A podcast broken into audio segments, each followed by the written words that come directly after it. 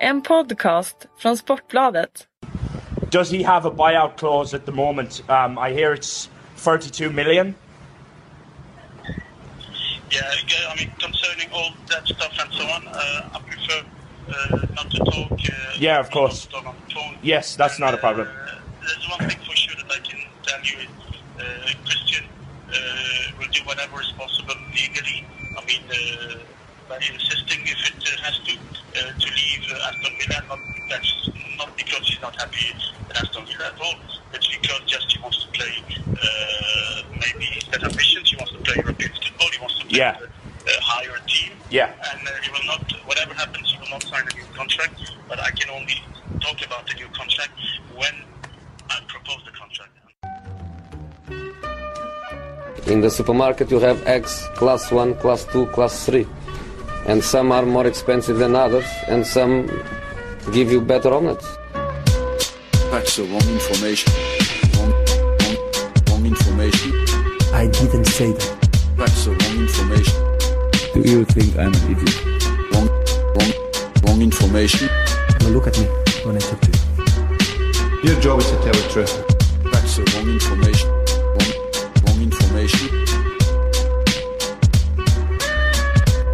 I'm have you twisting everything I say. Twist, twist, twisting everything I say. So me that clear.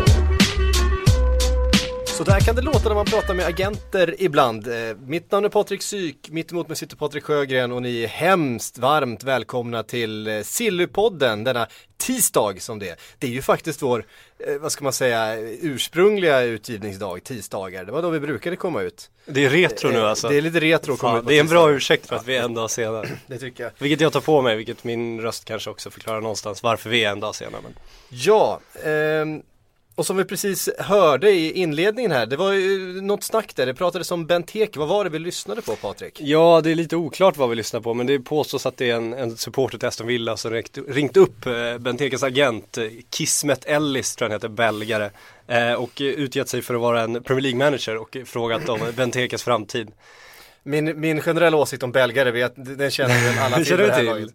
Ehm, Men eh, får man liksom ställa några frågor kring det här ändå? ja, det, det måste vi göra och sen så kanske ta ner det här lite grann. Ja, Ska vi inte göra det? För att det nu, får nu det här håller ju på att rullas ut nu som en jättegrej förstås i brittisk media. Så är det, men det man undrar framför allt som slog mig nu är vem fan han, han låtsas föreställa. Han ska ju låtsas vara en Premier League-manager om jag förstått det eller rätt. Men om Benteke, och han pratar om att Benteke vill spela, eller agenter då, vill spela liksom med en internationell fotboll, Champions League och sådär. Men det är inte så många managers att välja på. Det är inte så att han imiterar Mourinho direkt. Det är inte så att han imiterar Wenger direkt. Han låter ju inte riktigt som Pellegrini. Alltså, det, Eller det, Fanchal. Eller Fanchal. den, enda man kan tänka sig är ju Brendan Rodgers. Ja, då blir det Eh, ingen internationell fotboll. Oj, aj. Aj, aj, aj. Aj, aj, aj. Eh, Europa League, fan nu ska vi inte vara sådana. Ja, man låter inte riktigt som alltså jag tycker att Nej det, men, men, men, Men Daily Mail går i god för att det a authentic video footage. Det var ju frågan om det är authentic att eh, hur, liksom, hur menar man med authentic? authentic att, Exakt. att det är filmat? Ja, att, att det är en att det video? är någon han pratar med eller, för de kan ju inte riktigt räkna ut att det är agenten han pratar med. Och om det är det så är det här världens mest lättlurade agent. Om han nu låtsas vara Premier League för vi har inte hittat början på den här videon heller så det är lite oklart vad han föreställer och så säger också agenten då att, eller han säger till agenten en off the record. Och det är en klassisk fras journalister, eller ja, lite tvivelaktiga journalister använder.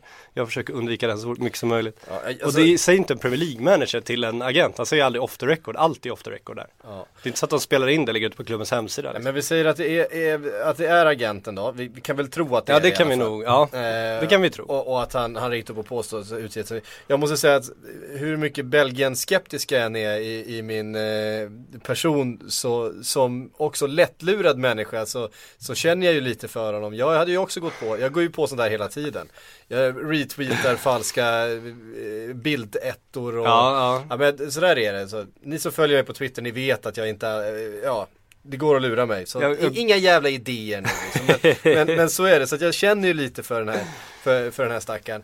Eh, framförallt det som händer nu då i, i eh, svallvågen av det här. Ja, Eh, Hans sam- förtroende liksom, För det är en stor affär det handlar om. Jag menar Benteke är ju en jättestjärna. Och Så det, är det. det kommer röra sig om ganska många miljoner eh, i sommar för honom. Samtidigt så kan ju inte hans uttalanden förvåna någon Aston Villa-supporter. Alltså det han säger e- egentligen är att han, han skulle vilja flytta om det är möjligt. Han kommer inte förlänga sitt kontrakt. Det är ju två grejer vi redan visste i stort sett. Sen det, det som är lite så här kontroversiellt är att han säger att han skulle använda alla lagliga medel för att komma därifrån om en Säger klubb en skulle visa agent. intresse. Och det är klart en agent säger så. Och det är också en grej en agent skulle kunna säga till en tidning för att få igång lite snack. Så, så explosionsartat sensationellt är inte staten ändå heller tycker jag. Nej, och det är inte speciellt många inblandade i den här dialogen. Eller, eller, eller, eller den här debatten eller konversationen man ska säga. Utan det är liksom Bentekes agent och så på andra sidan står det Tim Sherwood och påstår att de, vi kommer aldrig släppa honom, vi värderar honom till 80 miljoner pund och sådana saker. Men, men att Tim Sherwood är full med skit. det, det kan ju inte Oj. förvåna någon. Nej men herregud, jag menar det är väl Ja, han, han, Inget, i- inget ont i övrigt om Tim Sherwood men han, han låter ju munnen gå lite grann. Han är ju fortfarande en oslipad eller agent höll jag på att säga, manager och det, det, det visar ju också när han ofta talar från hjärtat snarare än hjärnan. Många gånger så är det bättre att hålla käften. Det han, han hade liksom, eh, det var han hade han påstod att han eh, släppte fram Christian Eriksson från ungdomslaget och sådana saker. Bara, nej, han värvades liksom förra sommaren. Alltså det var Högt aktad svindyr. Ja, sådana fullständiga galenskaper som han har Ja, men liksom han är, det, är inte, hävdat. det är inte kinerklass än så att han ligger ju ändå hyfsat i lära Nej, måste jag, ju säga. jag tycker att han är en, en, en Han är en aspirant, en aspirant kanske. Du, han är aspirant i Newcastle-posten också på sikt alltså. Ja, ja det tror jag. Ehm, ja, ska vi riva av Benteke då medan vi ändå är inne på det? Det känns väl logiskt. Eh, det, det pratas ju om, om Liverpool. Det, har ju liksom, det gör det ju med alla spelare. Så det, det Alla anfallare i alla fall. alla anfallare. Som inte är Sergio Kun. Nej, där pratas det om eh, Real Madrid. Ja, helt plötsligt. Nu råkar jag byta ämne här men Ja, vi, vi kör på på Benteke så vi, vi kommer till, vi kommer Ja, till Kun. det gör vi. Eh, Christian, att- Christian Benteke hade ju ingen supersäsong fram tills de typ fem sista omgångarna. Eh, då, eh, eller ja, lite mer var det, det var sen Sherwood kom. Eh, så lossnade det. Kör, kör, han tog upp han från ungdomslaget. Klart. ja, precis. Klart det går bra han, då. Det var han som såg talangen i, hos Christian Benteke. Vart, hur ratear vi Benteke efter en så- sån här säsong? Alltså det känns som det finns flera sådana här spelare som kommer i Premier League och slår igenom här, som man ser som ganska bra anfallare. Vi har haft Demba Ba tidigare och sådana här, alltså så här sensationsspelare på något sätt.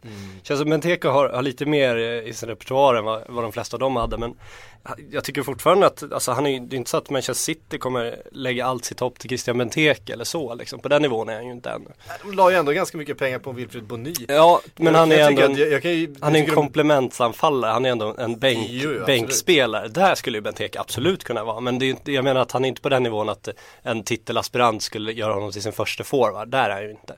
Utan han är ju en drömvärvning för ett Liverpool kanske. Som annars kommer stå med Danny Ings och Mario Balotelli och Ja. Ricky Lambert. Ja, och, och, och, och så Sturridge tittar på från läktaren. Ja. Ser sur ut. Eh, Det har blivit hans liksom grej den här säsongen. Han sitter på läktaren och ser sur ut. Och jag vill så gärna spela. Ja men det är bättre det än att han ser glad ut för då hade han fått skit för det. Så. Ja, men han får alltid skit. Alla får Ja. skit, hela tiden. Eh, så är det. Ja, Benteke. Ska vi, bara, ska vi riva av de här två som du var inne på? Ings och eh, Milner. Är Milner, som faktiskt nu har... Milner verkar ha bestämt sig för Liverpool. Ja, Enligt eh, Liverpool Echo så, så i alla fall har de, eh, är de överens muntligen. Ja. Eh, Sen vet man inte om hans agent tar det avtalet tillbaks till Manchester City och, och säger titta, titta vad Liverpool har, har gett oss. Vad säger Mm. ni nu? finns alltid en möjlighet till sånt. Ja, alltså den lönen som det pratas om där, 170 000 i veckan Ja. pund eh, är väldigt mycket pengar. Så det. mycket pengar kan inte Liverpool betala eh, Milner. Nej, samtidigt ligger han ju väldigt, väldigt högt i City. Det, det är ju, alltså han är ju en av de bättre betalda där trots Mm. att han inte är en av startspelarna där. Eh, Och det, det, det är ju inte att han kommer gå ner i löner. Samtidigt så är han free transfer. De kan ju förmodligen, beror på hur de gör med köpesumman då. Ibland får ju spelarna en, en ganska stor Sign-on. eh, sign-on betalning då. Det lär de väl kräva också. Eller så kanske man kan slå ut det på den här lönen så att man ändå kan motivera värvningen på det sättet. För hade han inte varit gratis hade han ju kostat ja, en 100 miljoner i alla fall. Och då, det är ju ganska mycket pengar slut på den här lönen ändå. Mm. Så kan man säga, sen har ju Liverpool en del utrymme i sin lönebudget när nu Steven Gerrard som var bäst betald eh, slutar. Och sen har man faktiskt inte, inte eh, helt fullt eh, fyllt på eh, lönelistan sen Luis Suarez lämnade förra sommaren. Så är det. Samtidigt kan man ju ifrågasätta, alltså, han ska ju ha en, en okej lön absolut, men han ligger ju för högt James Milner tycker jag. Alltså om Ja, man får en så sån pass lön, det är inte så att han kommer gå in och liksom bli nya Suarez och lyfta Liverpool Nej, på något sätt. herregud. Utan han är ju en komplementspelare, en bra spelare som liksom, han kommer inte göra Men det är ju den där sjukan som, som, som är med alla de där klubbarna. Att, jag menar, en, en, en Zlatan är helt ovärvningsbar för han har haft så, så hög lön Ja. och har en så hög lön i PSG. Han måste gå ner i lön om någon annan. Det finns bara två klubbar i världen som kan betala så mycket. Och det är, Samtidigt så är han ju någonstans värd den lönen om du har råd med den lönen. Det jag tycker med James Milner är att han kanske inte ens är värd den lönen Nej, om du har råd med den lönen. City har ju betalt den lönen för att han har varit så viktig liksom som symbol för den engelska kvoten också för Ja. att behålla honom. Och det är ju liksom det som har gjort att det sprungit iväg där. Men han ligger ju alldeles för högt för sin, sin kapacitet tycker jag. absolut. Sen är jag, blir jag jätteglad om han kommer till Liverpool. Ja, Jag trots tycker, lönen. jag tycker verkligen eh, om honom. Det är inte mina pengar. Fast det är ju pengar de hade kunnat göra något annat för. Ja men det vet i fan fall de hade gjort Nej, det. det- det är för sig blivit. Jag sant. vet i fan, alltså jag, jag, jag tycker det där, jag är inte speciellt eh, ah, dåliga affärer. Jag menar det är liksom så här, åh vilken dyr jacka du har köpt. Liksom. Men använder, använder man den varje dag i fem år, ja, men då är den inte så jävla dyr. Eh, däremot använder jag den två gånger och så tycker jag att nej men den här funkar inte ihop med några andra kläder jag äger. Då är den jättedyr. Så även fast spelaren fast den- är kass, bara han är dyr ska han spela varje dag så kan man motivera det. Nej nej, men är det en spelare man har nytta av så tycker jag att eh, menar då så, är han ja. värd väldigt mycket pengar. Ja, Jag tror att James Milner är en, en spelare som Liverpool kommer att ha väldigt mycket nytta av. ja nytta är rätt ord. Eh, Du vet ju vad du ja, får också. du vet vad du får och han, det är också sån här Brennan Rodgers säger att han ska byta spelsystem hela tiden. Ja. Milner kan du använda Ja, på ja. jättemånga sätt. Liksom. Han, kan vara, han kan vara i stort sett forward, han kan vara yttermittfältare, han kan vara ytterback till och med, han kan spela centralt också. Så att det är ju en sån där spelare som eh, Brennan Rodgers älskar. Mm. Eh, Så att det, det, det tror jag är jättebra. Danny Ings, det har vi pratat om, det visste vi redan. Ehm, men hörru du, det finns faktiskt mer intressanta saker att prata om. Eh, Rafa Benitez. Oj, oj, oj. Vi var ju inne på det. Jag tänkte så här, vi skulle Den väl, är ikon. vi skulle väl ta oss in i, i, i huvudet på Rafa Benitez. Mm. Eh, där är det, det, det, det, Där tror jag är ett speciellt ställe. Vill man inte vara. Man kan säga så här, jag tyckte vi ska prata förstås lite om ins and outs, det är ju det Mm. vi gör i det här programmet. Eh, och så ska vi ha med oss det här att under sina Liverpool-säsongerna är de som är bäst dokumenterade. Av dig ja. Jo, av- jag förstår av- vad det här är, hur det här har gått till. Men under hans Du har gått sex... in i ditt personliga arkiv helt Ja, enkelt. det är så det är. Ja. Under sina sex eh, år i Liverpool så köpte han 59 spelare och sålde 72. Det är Ja. alltså ett snitt på 10 in och 12 ut per säsong. Det är helt jävla, det är helt jävla sanslöst. Han borde vara min idol, alltså känner jag ju spontant. Ja, Han- det- det han motiverar hela silly Alltså jag var tvungen att kolla upp det här för att jag, jag minns hur det liksom år efter år var så att Liverpool hade störst omsättning Mm. eh, på spelare, flest in och flest ut, varenda liksom eh, transferperiod egentligen. Men upplevde du att han bytte de bästa spelarna eller bytte han de sämre spelarna? Det var ju allt möjligt, det var ju liksom, han både värvade och sålde ju Xabi Alonso Ja. till exempel. Ja. Ehm, och han, han är ju också den enda den enda manager som Liverpool har haft som faktiskt har kunnat värva dyrt. Mm. Som har kunnat värva riktigt bra spelare. Ta Xabi Alonso till exempel, men ta framförallt Fernando Torres. Mm. Som ju var kanske hela världens mest eftertraktade forward. ehm, det Ja. året som, Ja. som Liverpool köpte honom. Då ska man komma ihåg att Liverpool var regerande Champions League-mästare när de köpte honom. Att det var, eh, man hade lite annat renommé just, just, just sommaren 2005. Eh, än vad man har 2015. Mm. Men eh, han, framförallt så har det handlat om en extrem jävla omsättning på spelare. För man, man tittar i den där listan och det är skitmånga som man inte känner igen överhuvudtaget. Det är som spelare som har, och som har värvats för en hel del pengar. Alltså han har köpt för, för en eh, 2-3 miljoner pund som sen har gjort tre matcher och gjort resten i res reservlaget försvunnit sommaren efter. Det finns ganska många sådana. Ehm, så att, att det kommer hända saker i Real Madrid när han nu tar över den lilla Det klubben. kommer det ju göra. det kan vi vara rätt säkra på. Sen är frågan om det blir ett skifte, för det känns som Real under flera säsonger spelat ganska tydligt med en startelva och sen kanske inte haft så dyra eh, liksom ersättare, inte så bred trupp. Alltså om man kollar, de har ju kn- knappt haft två anfallare på sen Iguain gick liksom. De hade Morata där, satte på Ja. honom. Och, Eh, låna in eh, Chicharito nu och liksom, alltså det är inte så att de byggt en jättestor trupp utan det känns som att de har en, en kärna som de satsar ganska hårt på. Det, det, det rimmar inte riktigt med det här. Alltså, det är ju inte Benitez style. Nej, Det nej uppenbarligen inte. inte. Så man undrar om det kommer förändras då. Däremot en sån förändring kanske skulle vara Peres style också däremot. Så det kanske rimmar bra med honom. Och, Mm. och ha många spelare in och ut. Han gillar ju att värva och gillar att stå på det där podiet inför pressen och hålla upp tröjor och le och vara på bild liksom. Det känns som det är det han lever för lite. Så, att, Så det kanske funkar väldigt bra där. Eh, sen vet vi ju också att Benitez gillar att bygga bakifrån. Ja. Han är väldigt defensiv. Ja, det där, Eh. det, där, det är därför det är så sjukt där. Alltså man kan ju inte fatta att det är Rafa Benitez som ska bli Real Madrids tränare efter Carlo Ancelotti. Det är Han kommer ju ställa sjukt. upp en, han kommer ju ställa upp en defensiv 4-2-3-1. Ja, och han kommer kanske ta hem en liga med det, men han kommer ju få sparken efteråt för att han spelar för tråkigt. Så har vi sett tidigare också, så att det är fascinerande att de gör det här igen. Ja, eh, men ja, vi, vi, kanske handlar det om underkastelsen till Perez. Ja, De har ju en historia, han, de känner ju Rafa liksom, de vet ju precis vem det är och, och han kan väl infoga sin hierarki som han är väldigt bekant med. så är det. Och man, det kan ju vara, alltså, om man ska spekulera vilt nu, Peres största problem med Mourinho var ju att Mourinho liksom någon slags uppviglade delar av spelartruppen mot honom på något sätt. Och det blev ju Ramos och, eh, och Casillas kändes det som, som ställde sig på Peres sida. Och det, eller gick väl emot Perez också i stunder. Men det blev ju väldiga grupperingar. Sen kom kanske Ancelotti in som liksom är världsberömd för att bygga, bygga bra stämning och, och fick spelarna verkligen med sig.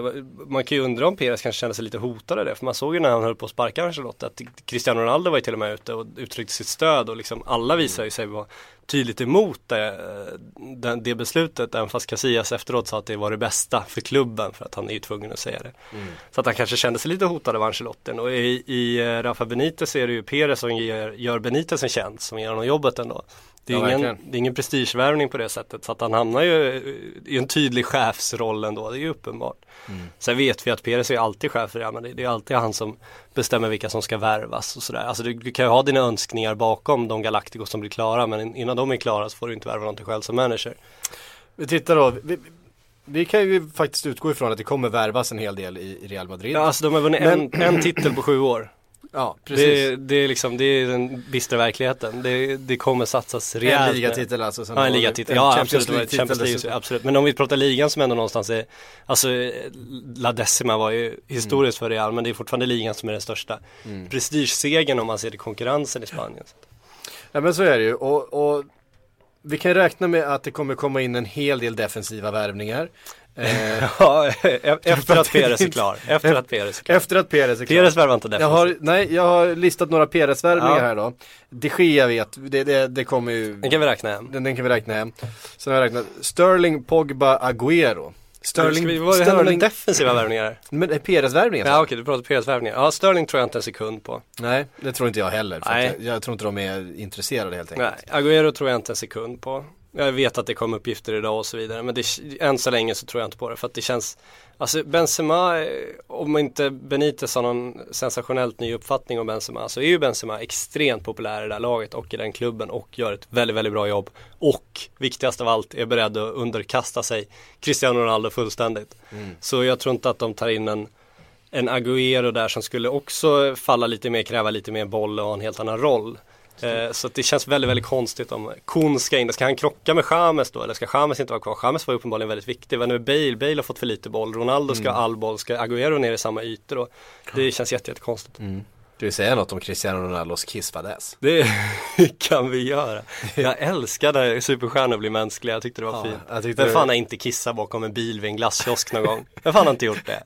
Ja, är alltså det är, det är ju jättemänskligt. Ja, det är ju jätteroligt att, alltså om jag hade varit polis Ja. och bara glider förbi, bara shit där står Cristiano Ronaldo och kissar. Ja, och så kollar nu man igen. jävlar, nu jävlar. Alltså det, det, man förstår ju hela Det man går fram och hälsar, ja. hän, händelseförloppet. Man vill ju gärna ta honom med brallorna nere. Så är det, så kan man ju undra hur, exakt hur lycklig fotografen som satt på det där berget eller vad det var mitt emot blev när han såg vad som försiggick och polisen rullade in liksom. Det har jag tänkt på. Ehm, Nu snöar jag iväg helt off topic kör, här. kör. Men, men det, Det är det vi har podden till. Ja, eh, du vet de här nya, nya drönar eh, GoPros som man kan Ja. sätta så att den följer en person. Ja, alltså som små he- helikoptrar kan man väl säga. Små, små helikoptrar med en kamera på som Mm. man kan sätta och följa en specifik, man kan, sig själv är ju tanken att man ska kunna filma sig själv när man är ute. Ungefär som att ha en GoPro på huvudet. Mm. Jävla Så kan man ha den. fetisch. Ja men menar, kan man inte sätta en sån på typ Cristiano Ronaldo och sen bara gå hem och spela tv-spel som, som, eh, som eh, Men de undviker hus alltid. Fotograf. De bara,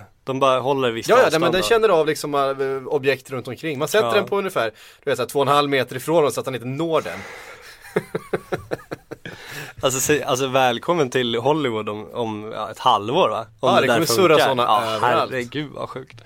Men det är, ja, nej vi ska inte ta Nej, nej, det var, ett, jä- det var ett jättekonstigt stickspår, det bara dök upp i huvudet på mig nu. Eh, det var till och med Ronaldos kisspaus var ett stickspår. Tillba- tillbaks till Real Madrid då, vad, vad kan vara på väg bort? Men alltså, eh, Pogba sa vi aldrig. Han, eh, han tror jag, Pogba, den är, där den, är helt upp till Perez tror jag. Vill Perez ha Pogba så tror jag eh, det han tror jag också är en spelare som. Benitez vill ha. Gärna skulle jag, jag tror också det. Så att han är ju, ja absolut Serie A också, Benitez lär väl ha suktat lite efter honom. Så han känns alla dagar eh, högaktuell. Men det känns inte som de agerat ännu. Så vi får Nej. väl se om de är sugna på honom. Ehm, och sen så kan vi ju räkna då med att Benitez ska in sina defensiva Ja, specialister. det, det är väl det där centrala mittfältet som har frågat sig lite hur det ska, alltså med Toni Kroos och Luka Modric har det känts ganska offensivt balanserat ändå. Mm. Ja, för, att, för att ha fyra forwards framför sig mer eller mindre. Så där absolut finns det möjligheter att göra saker. Kroos kan ju spela defensivt också. Luka Modric är jag lite orolig över att de kanske eh, förbrukar nu. Gündogan. Gundogan, eh, det talas ju inte om Real så mycket. Det Nej. talas ju mest om Manchester United och Bayern München och United känns ju som de borde agera Han är inte speciellt jättedefensiv heller. så- Nej och han är inte, jag, jag tycker att han är lite övervärderad nu för att han ska säljas också. Att han har ett utgående kontrakt, att folk tycker att shit vilken stjärna bara för att han är till salu och det råkar stå väldigt mycket om honom, om honom i tidningarna. Alltså ska Real Madrid förstärka sitt mittfält tycker jag, eh, alltså Gündogan är ju en sämre spelare än både Toni Kroos och Luka Modric. Sen blir det ju sällan de där namnen som man tror när det är Benitez inblandad. Han, han värderar ju Så spelare är lite. det, men- så men- det, det, man kan ju räkna med att det inte alls blir de här du vet, stora stjärnorna nödvändigtvis. han skulle kunna gå in och köpa en, en Luis Gustavo från, från Wolfsburg nu och sätta in honom som en given startspelare. Men då blir det liksom. Gustavo och de stora stjärnorna för Perez står inte i slutet av sommaren men- med Luis Gustavo i hand, det vet vi Ja, också. men då, då, vi kan tänka sig att de, de fem framåt är Perez Ja, och ja, fem det. Ja, bakåt är, är Benitez. så då har han ju en, en mittfältsposition Backcoach, offensiv att coach. fylla. Absolut. Ja, nej, han kan nog ta någon sån här nyttig mittfältare defensivt. Det tror jag också. Samtidigt så eh, borde även Rafa Benitez när han kommer till Real Madrid och har de resurserna eh, vara lite sugen på att ta in de där jävla superspelarna ändå. Det Ja, det, det tror jag också ja, om man har möjlighet så borde han faktiskt göra det. Men, det det är ont om dem på de där positionerna. Ja, det är ju det, men det defensiva Det blir jävligt spännande att se vad han gör För Pogba är ju ändå defensiv där. Han kan ju faktiskt ersätta Modric på det sättet Samtidigt så får du ett jävligt spelande mittfält med Kroos och Pogba ändå Ja, verkligen. Men det, ja, det blir väldigt spännande. De har ju väldigt bra, eh, bra mittbackar redan också. De har bra ytterbackar. De ska ha in en målvakt, det ser vi också. Alltså det är ju ont om platser. Därför jag gillar det här att du tog fram den här. Eh, att han köpte 10 och sålde 12 per säsong. Ja, det är För det- snittet. Ja exakt, hur fan ska han göra det real? Samtidigt har de visat att de är bra på att sälja nu också. Jag tycker att de, de har gjort väldigt bra affärer får man ändå säga med Özil och Angel Di Maria med tanke på hur det har gått för dem sen och hur, hur bra det ändå har gått för Real utan dem. Man har ju inte saknat dem så mycket. Så de kanske lyckas eh, se att även någon annan man inte tror är förbrukad är lite förbrukad kanske. För dem. Man skulle lägga till det att den här, eh, att det är 12 ut per säsong, det är ganska mycket ungdomsspelare som kliver upp i senior och sen försvinner eh, på free transfer och, och på, för billiga pengar till, till Championship och Ja, såna här saker. 12 ut finns säkert i en Sen- hel del klubbar också. Det tror jag inte vi ska, ja det tror jag också, jag tror inte att det är, Benitez hade speciellt mycket med det att göra. Nej, men 10 Eh, in är ändå Men 10 in är ju han. mycket. Ja, eftersom det pågår över sex säsonger också. Och det är seniorlaget det handlar om. Ja, det, och sex säsonger i rad. Alltså okej, ett år om du säljer Bale och du tar in tio spelare. Men, 59 spelare på sex säsonger. ja, det är bra jobbat. Jag gillar honom, fan. Han är en ny silly-favorit. Han borde nästan komma med i vår uh, jingel. Ja, eh, han är lite tråkig intervju bara. Ja, det är Men det, vet- vi vet ju vem som har spenderat mest pengar de senaste tio åren. Av alla managers. Det är ju en som är helt överlägsen i att spendera pengar. Eh, som har tillhört flera klubbar. Är det Mourinho då? Ja, absolut. Han är ju liksom på en egen Han är Ja. på en egen skala för att när han var, när han var i Chelsea första gången, Ja, obegränsade till, till ja köpte hela. Ja, Sen när han var i Inter, ja. obegränsade tillgångar. Fick Ja, obegränsade tillgångar. precis. Och sen eh, Real Madrid och sen nu tillbaks till Chelsea eh, för en ny satsning. Och sen, sen har han ju bytt klubb, alltså det är ju, första året är ju då du ofta investerar mest också. Så han har ju bytt klubb många gånger också. Det får man försvara honom med. Ehm, väldigt mycket. Jag tror eh, Pep Guardiola var eh, ganska högt upp på den där också faktiskt. Ja Konst- det tror man konst- inte men nog. när han det- gick in gick han in tungt. Han, han gick in tungt och sen så eh, handlades det ju en del när han gick till Bayern München också. Det gjorde det också och då blev det inte billigt heller. Eh, Så är det. Det var Rafa Benitez det. Vi kan ju bara spekulera i vad det blir för defensiv för det, det, det blir det är jävligt svårt att veta alltså. Ja och just det här, alltså det är så svårt att förutse Real för att de har så bra spelare tycker man. Alltså det var ju svårt att säga, ja men de kommer släppa Angel Di Maria i sommar när han liksom hade varit bäst i Champions League-finalen. De, kommer göra sig av med Mesut Özil när man tyckte att han var hjärnan bakom det mesta. Det, det, det, alltså man fattar inte riktigt vad som händer där. Så är det. Ehm, ett annat roligt rykte eh, var något som Marca drog på häromdagen och det är att Diego Costa längtar tillbaks till Spanien. Landet som han känner så oerhört är mycket fint, för. Alltså. Det är fint. Hans hemland. Hans hemland. Det sitter i hjärtat. Hans, hans hjärta bultar verkligen han, för Spanien. den han åkte och spelade för Brasilien i en landskamp för att känna på det och sen ändå valde Spanien liksom. Ja, han verkar brinna för Spanien den gubben. Ja, ehm, han ska i alla fall längta tillbaks, han ska inte trivas i London. Det är framförallt, och jag citerar nu då, klimatet och maten. som han längtar tillbaks till. Han ska vara beredd att ta en rejäl paycut. För att få återvända till Atletico Madrid. Ja, men man kan väl tipsa om att det faktiskt finns spanska restauranger i London som håller ganska hög klass. Det är bara, bara tips, alltså London är ganska stort. Det, är- det är London är inte ganska- Bromölla liksom. Det finns, det finns ett inget ont om utbud. Bromölla. Ja, så att det finns nog alla möjligheter där. Klimatet, nej men det här, sånt här kommer ibland och det är sånt jävla skitsnack. För att de här spelarna vet ju också att de har en karriär som är 10, kanske 15 år. Mm. Det är liksom, de kommer vara eh, ekonomiskt oberoende när de är klara, de kan göra vad de vill i sina liv, de kan åka vart de vill, de kan bo var de vill, de kan göra vad de vill. Ja. De, de står ut 3-4 år i Chelsea, i London, det är, det är inga problem. Det enda som skulle kunna göra Diego Costas framtid osäker är om Chelsea upptäckt att hans lår inte kommer spela fotboll i fyra år till och vill, vill släppa honom, men det ser ju inte ut så just nu. Nej, eh, han har varit förvånansvärt ändå skadefri den här säsongen. Jag trodde, jag trodde han skulle ha, ha fler Ja, då har han ändå vilat i perioder. så att, precis. nej, men de har ju varit ändå- väldigt, väldigt försiktiga Ja. med honom. Han har ju tränat extremt lite tydligen. Alltså han gör ju, ibland gör han tydligen bara två pass i veckan typ. Mm. För att liksom spara så mycket som möjligt men när det var som eh, mest matcher. Så att de har ju verkligen haft en egen plan för honom. Mm. Inte gjort som Atletico som skickar honom på chanser och hoppas att det ska hålla. Ja, Liksom. att spela fem minuter. så bara. Exakt. Heatmap in, ut. Jaha, nästa gubbe då. Radamel Falcao. Ja. Monacos Falcao. Som det rör sig om nu. När eh, Manchester United inte var intresserade efter den här säsongen. Ja, Föga förvånande. eh, kom ett intressant rykte då. Zenit Sankt Petersburg. Eh, och det är det första ryktet, tycker jag, som känns, som känns rimligt. Ja. Att André Villas Boas, Zenit som har mycket pengar. Eh, en André Villas Boas som är sugen på en colombiansk eh, striker tror jag. Eh, man ska dessutom vara intresserad utav Moutinho. Mm. Eh, dessutom då. Så att, eh, Ja, men men, Real, Chelsea som det har pratats om. Ja, jag tror att inte att Chelsea betalar skitmycket pengar för en Chelsea tror inte jag heller. Jag, jag tror fortfarande att Real skulle kunna ha eh, Radamel Falcao som, som reserv till, till Benzema för att det skulle fortfarande vara en jävligt tung värvning för dem med tanke på hans historia och så. Så jag tror inte man ska stryka dem helt, det beror på hur de agerar. Men jag håller med om att Zenit känns ju som en sån klubb där det faktiskt kan hända någonting. För de, de kan ju inte få en Radamel Falcao på toppnivå. Om de då hoppas att de, alltså om de, de kan ju betala däremot lite extra för chansen att få en Radamel Falcao på toppnivå när han nu är lite sämre. Så att jag håller med om att det, det känns som en väldigt logisk affär. Eh, och de har ju just värvat sydamerikaner och så. Där borta har haft ganska stort lycka av det. Det är Ja. de, den typen av spelare de kan få. De som tittar lite mer på pengarna och lite mindre på, på titlarna. Hulk, hur har det gått för honom? Det går väl bra, han verkar Ja. trivas. Jag följer honom på Instagram. Han, han ser ut att ha det jävligt bra med sina två, två små barn där som han gillar att lyfta på sina biceps emellanåt. Så han, eh, han verkar trivas. Eh, han, har, han har hittat hem i öst. Det finns tydligen även rätt bra restauranger där också kan vi tipsa Diego Costa om. Man behöver inte äta ryskt. Däremot så, om man ska åka till Kazakstan så ska man inte äta hotellfrukost, den kan jag hälsa alla. Det är fan bland det, bland det mörkaste jag sett i hela mitt liv. Ja. Det var bara kött som var grått. Det var jämngrått, det var som ett helt, helt bord av grått bara. Usch. Det var så otroligt konstigt. Eh, när du säger österut så, så kommer jag att tänka på en av Erik Nivas bästa sågningar. Mm. Eh, han sågade Marcus Leifby. Ja, När, det här, det här vill jag höra. I en, i en eh, Deadline Day-sändning. Jag, jag undrar om det inte var Hulk vi pratade om. Eh, och vi fick frågan, vart tog Hulk vägen egentligen?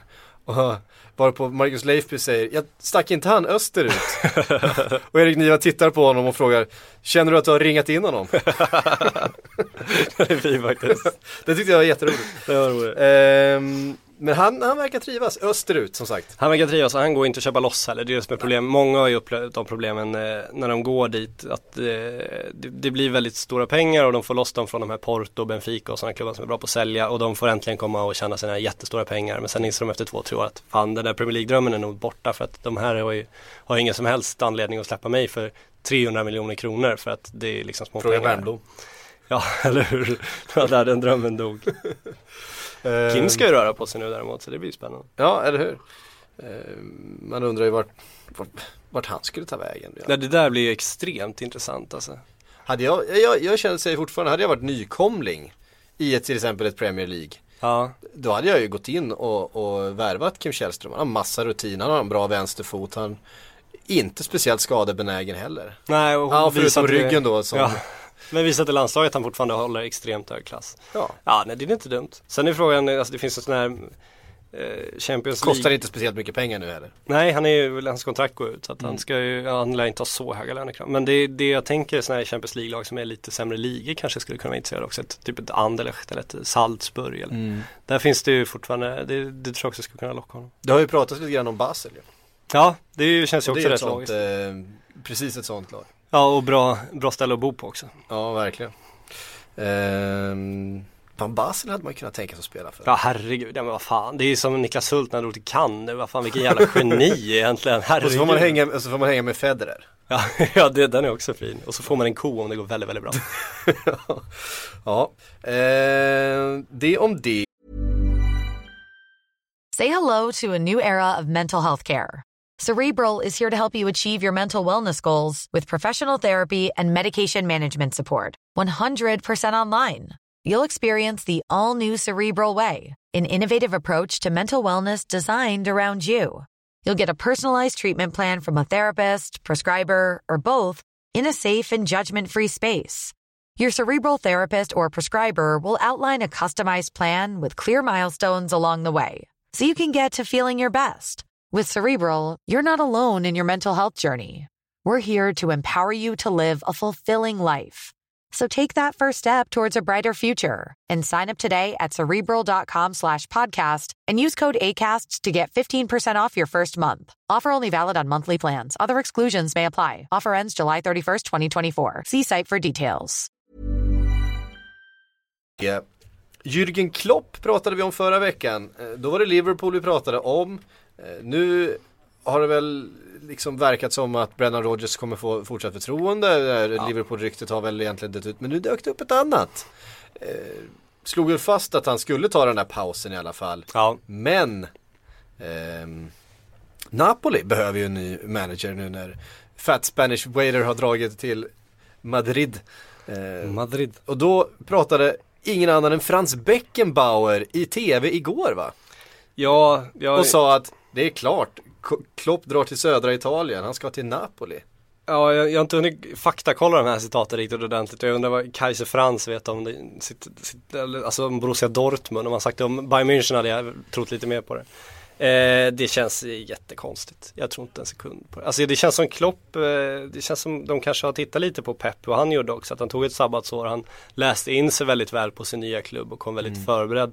Jag skulle inte förvåna mig om Klopp har precis samma sak i tankarna också och, och vänta in rätt rätt erbjudande framförallt. För det enda han kan göra om han går till Napoli egentligen är att förstöra sitt rykte på något sätt.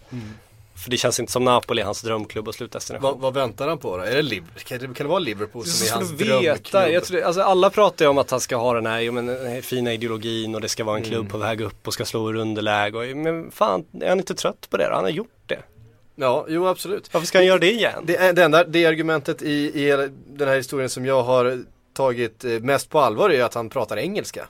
Ja. Att, han vill till, att han vill till England av den anledningen. För att han, jag, jag hade ju hatat att träna ett, ett lag i, ett land där jag inte kan språket. Så är det ju. Han, han fick ju frågan om han eh, kunde spanska ju.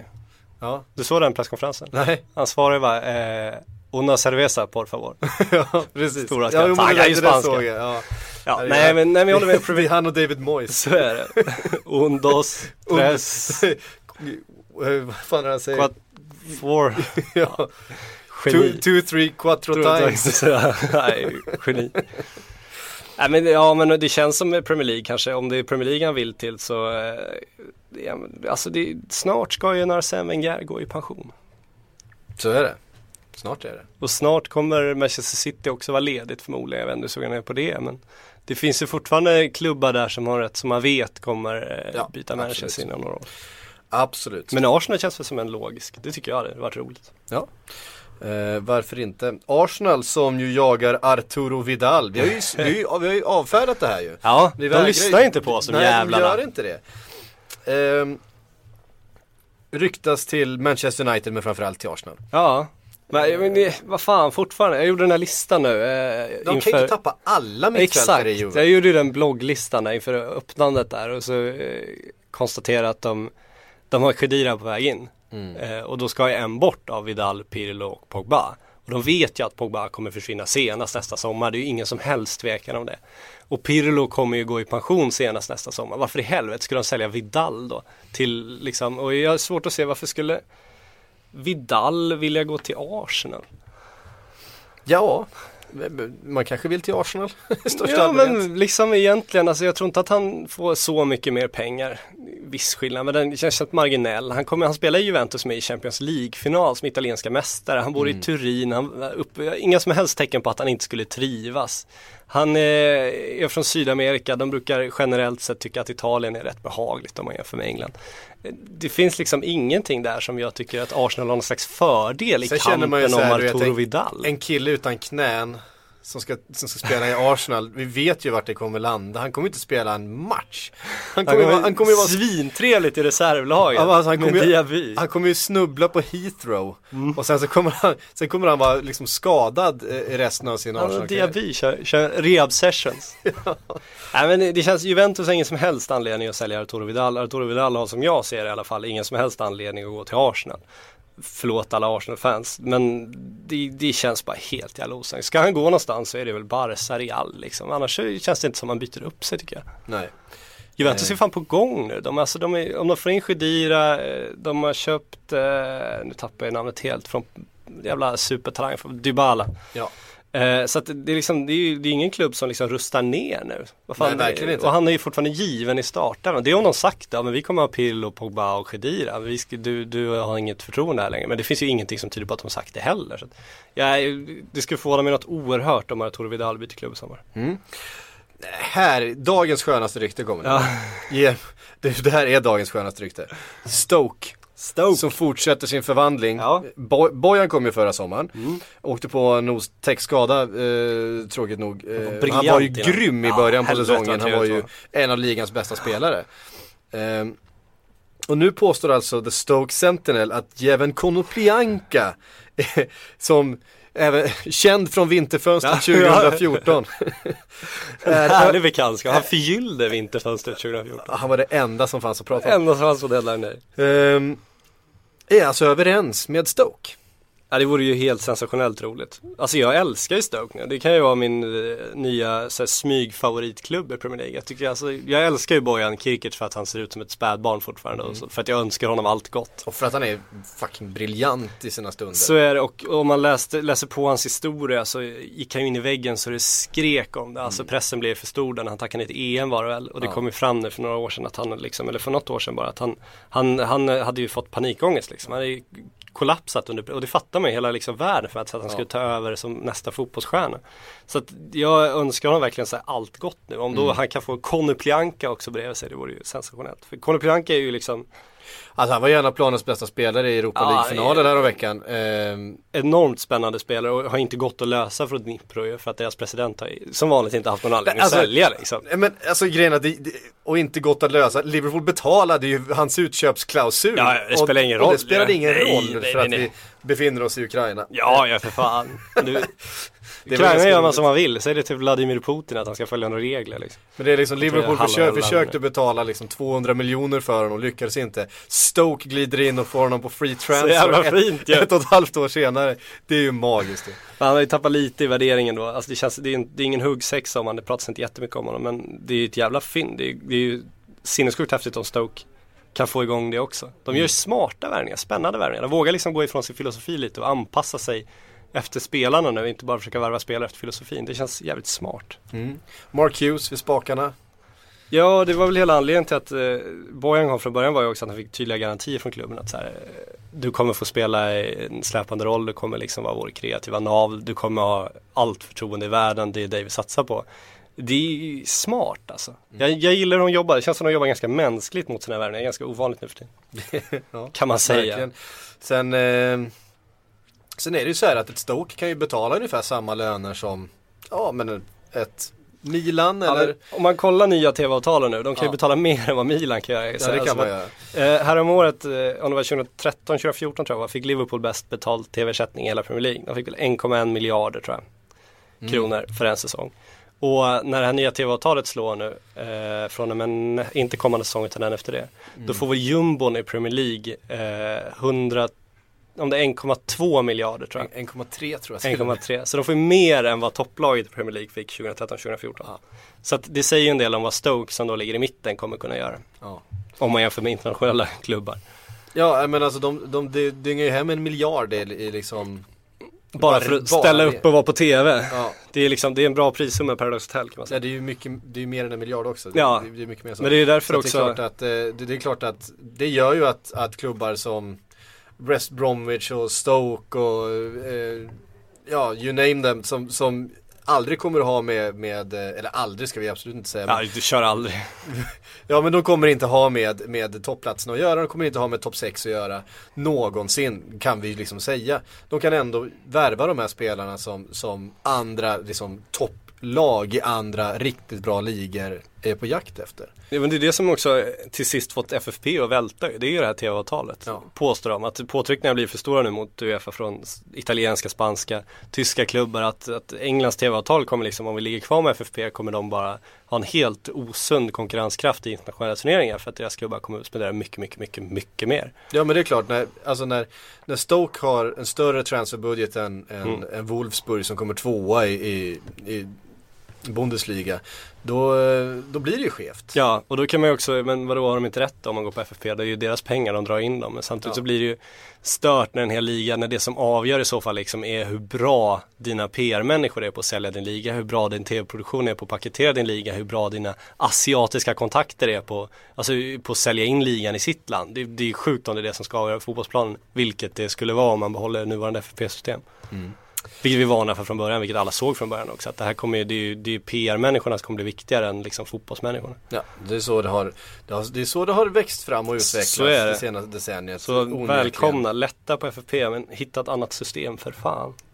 Ja, och ganska snart. Väldigt snart. Det, det, här, det går ganska fort utför och, och uppför. Och Ja, det känns som det växer en hur fotbollsbubbla man nu också där. väljer att se det. Jo, men när man ser att de här länderna med mest olja nu liksom investerar så svin mycket i fotbollen. Men till slut kommer ju det bli lite out of fashion också. Allt går i perioder och om de då drar tillbaka sina pengar så är vissa klubbar riktigt jävla illa ute.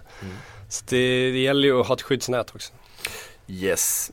Ehm, men du, på tal om Europa League. Mm. Eh, Konoplyanka.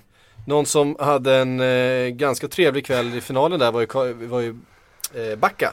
Den gamla Så- blev- busschauffören, eller vad var det? Busskonduktör eller? Så sent som för 14 dagar sedan så levde han helt och hållet på fiskgräns. 14 dagar sedan. Ja, exakt.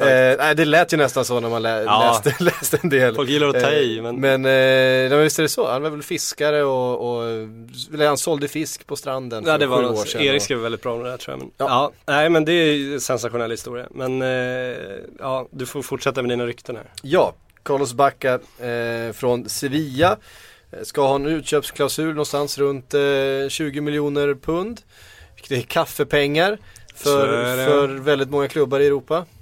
Eh, pratas om Manchester United framförallt eh, den senaste säsong, eller den senaste veckan här. Eh, det pratades inför Europa League-finalen så, så pratades mycket om Liverpool, har varit där och scoutat honom länge. Sen gjorde han två det mål i, i eh, han gjorde två va? Ja, Europa League-finalen. Eh, och helt plötsligt så, så dök det upp fler klubbar som var intresserade. Han gjorde väl 28 i alla turneringar eller något sånt där. Eh, förra säsongen för Sevilla. Nej, han är ju ruggigt stabil målskytt men han är väl inte så jäkla ung längre heller. Han är 28-29 nu tror jag. Om jag inte är helt fel ute. Men eh, som om de ska ersätta en Chicharito eller någon och ha eh, en bänkspelare eh, så är han ju en jävligt spännande inhoppare så om han kan tänka sig den rollen. Han kommer ju inte, det är svårt att se honom som startspelare med Wayne Rooney om vi säger så. Ehm, Men när får så många mål för så lite pengar, får man möjlighet så är det klart det lockar. så är det. Han ska ju vara sugen själv. Ja, det känns som Enligt han... agenten. Jo men nej, det kän- kan man väl också förstå om han, om han slog igenom så sent så har han ganska bråttom nu och provar det han kan liksom. Han är ju inte, han har inte fått så många år på sig ändå. Så att det, det kan man väl unna honom tycker jag. Han har väl gjort vad han kan i Sevilla också. Alltså vad fan, spela hem två Europa League. Ja. Det är ju inte så att den klubben kommer gå upp och, och utmana de allra bästa nu tror jag inte när Valencia också bygger och Atletico ligger bra till. Så det, Nej. det känns Ska vi det säga dags. någonting om Valencia? Om deras bygge? Mm. Det är väldigt tyst nu. Det är väldigt tyst men det finns ju Det är ju saker i görningen. Det känns som lugnet före stormen. Så är det och de har ju, det känns som de planerar väldigt väl den här gången eh, hur de ska använda, de, de har ju Det fått Mm. gjorde in, de inte förra gången Så var det verkligen. De har ju fått in väldigt mycket kapital nu men, men det känns som de liksom verkligen värderar vad de får för sina pengar den här gången också och Ja. inte förköper sig. Hoppas de inte hamnar i samma fälla. Så de kommer garanterat agera. Sen får man se vilka spelare de kan få för de är ju i den här, alltså Carlos Bacca skulle kunna vara ett bra namn för dem till exempel. För de måste ju titta där under, de kan ju inte lyfta in Falcao riktigt. Eh, så det är där de ska leta kanske. Mm. Vi får Kanske. se vad de ska göra. Det känns som de bygger ett ganska tydligt lag också med tanke på vilka spelare de värvat hittills. De har inte tittat på stjärnor utan de har snarare letat efter liksom spelare som kan förstärka laget. Kan nog komma någon stjärna där också. Kan eventuellt göra, men det känns inte som det är deras prio ett. Det känns inte som det är PR-värvningar de gör i första hand. Nej, eh, så är det. Men, men eh, intressant eh, projekt. Ja herregud, och det känns som ett ganska sunt projekt också för att vara en sån här miljardinvesterare. Det, är ju inte, det känns inte som de har jättebråttom till toppen. Ehm, så är det. Men du, vi var på eh, Manchester United eh, Ja, via apropå Backa. PR-värvningar. Eh, Dante. Vad säger vi om den? Det var roligt. Ja, men jag väntar lite på att det ska komma lite rykten kring Ante för han har ju förlorat sin plats i Bayern ändå.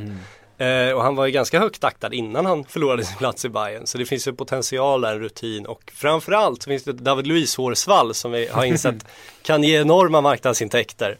Så att eh, han och Fellaini hade varit trevligt att se. Sen eh, det är ju ingen försvarschef till Manchester United. De skulle ju behöva en högre kvalitet på sin mittback. Så är det ju tveklöst. Men eh, om det här är vad de kan få så eh, vet fan om de inte kniper honom ändå. Alltså. Ja. Och så ska de ju förstås ha Mats Hummels. så är det ju. Men fördelen med Dante är att han är ju tveklöst till sal i alla fall. Ja. Och han lär vilja flytta på sig nu också. Så har man den Vad är det för möjligheten. ålder på honom? Han är, måste vara 30, Ja, det bör 30 vara plus nu va? Nu har jag kört flygplansläge så jag kan inte kolla det men, eh, men det bör han väl vara. Eh, ja, nej men det intressanta är att du kan få honom och kan du få honom till ganska billig peng så kan det väl ändå vara en okej spelare en trupp tycker jag. Ja. Eh, helt klart. Jag tror hårsvallet, alltså sånt där, man ska inte underskatta betydelsen. Han har jävligt tät afro. Jävligt tät afro, det är ju cash får plats i det afrot. Men om, man kollar, om man kollar PSG nu och så är det prat om vem de ska ha som sin nya marknadskraft efter Zlatan. Då trodde man att de skulle ta in en fransman, en Pogba kanske och använda honom. De kanske skulle ta Pastore för att han ändå funnits med från början av bygget liksom. Han var ju den som kom först, de kan använda som, som, som profil eller Cavani som är nästa, nästa skyttekung efter Zlatan eller Thiago Silva som är lagkaptenen. Nej, det är David Luiz de petar fram liksom, den mest ostadiga mittbacken i fotbollshistorien liksom. Och varför har de tänkt att han ska vara liksom så här, affischnamnet för deras klubb? Alltså hade han rakat sig imorgon det är aldrig att han hade funnits, alltså aldrig att de ens tänkt tanken, det är bara det. Men de har ju, Och det funkar De ju. har ju Adrian Rabiot, han har ju fan samma Ja frisyr. han är på gång men han har inte samma namn. Men, Han har inte samma namn. Men det är klart frisyren funkar, man fattar, alltså när alla så här ungar mellan vadå 8 till 14 som liksom inte riktigt är stenkoll på liksom vad som är en bra fotbollsspelare. Jag tycker att det är lite roligt att titta, liksom, kul att se mål. Och, då ser man ju killarna med stora frisyrer och när jag var liten såg man ju killarna med coola målgester. Det var ju de man gick på? Det var frisyrer och målgester. Så fan jag fattar ju det där.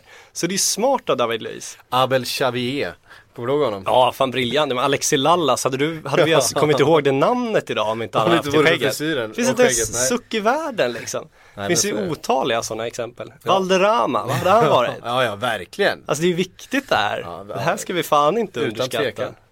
Ehm, från Dante rör vi oss till Turkiet och deras nya utlänningskvot.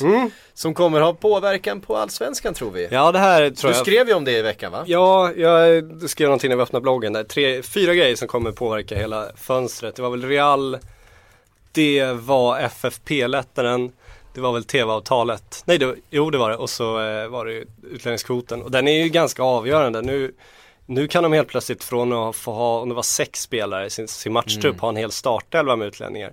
Och de får ha ännu fler i sin, i sin totala trupp. Och vi har ju sett Turkiet tidigare att de har hittat sina billiga värvningar i Allsvenskan. Alltså Jimmy Durmaz, de tog över Erkan Sengin. De har hittat spelare som gjort bra utveckling där. Johan Dahlin också imponerat. Andreas Isaksson var bra så länge det gick. Han kom inte från Allsvenskan direkt. Men. Eh, och, och om de då ska bredda sina trupper.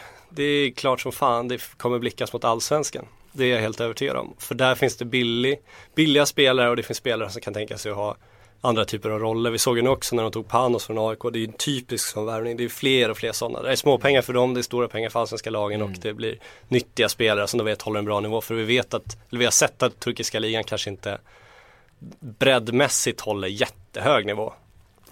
Toppen är ju bra men sen Ja, finns det en absolut. bredd som inte är lika imponerande. Kastar in en fråga då från Edvin Johansson.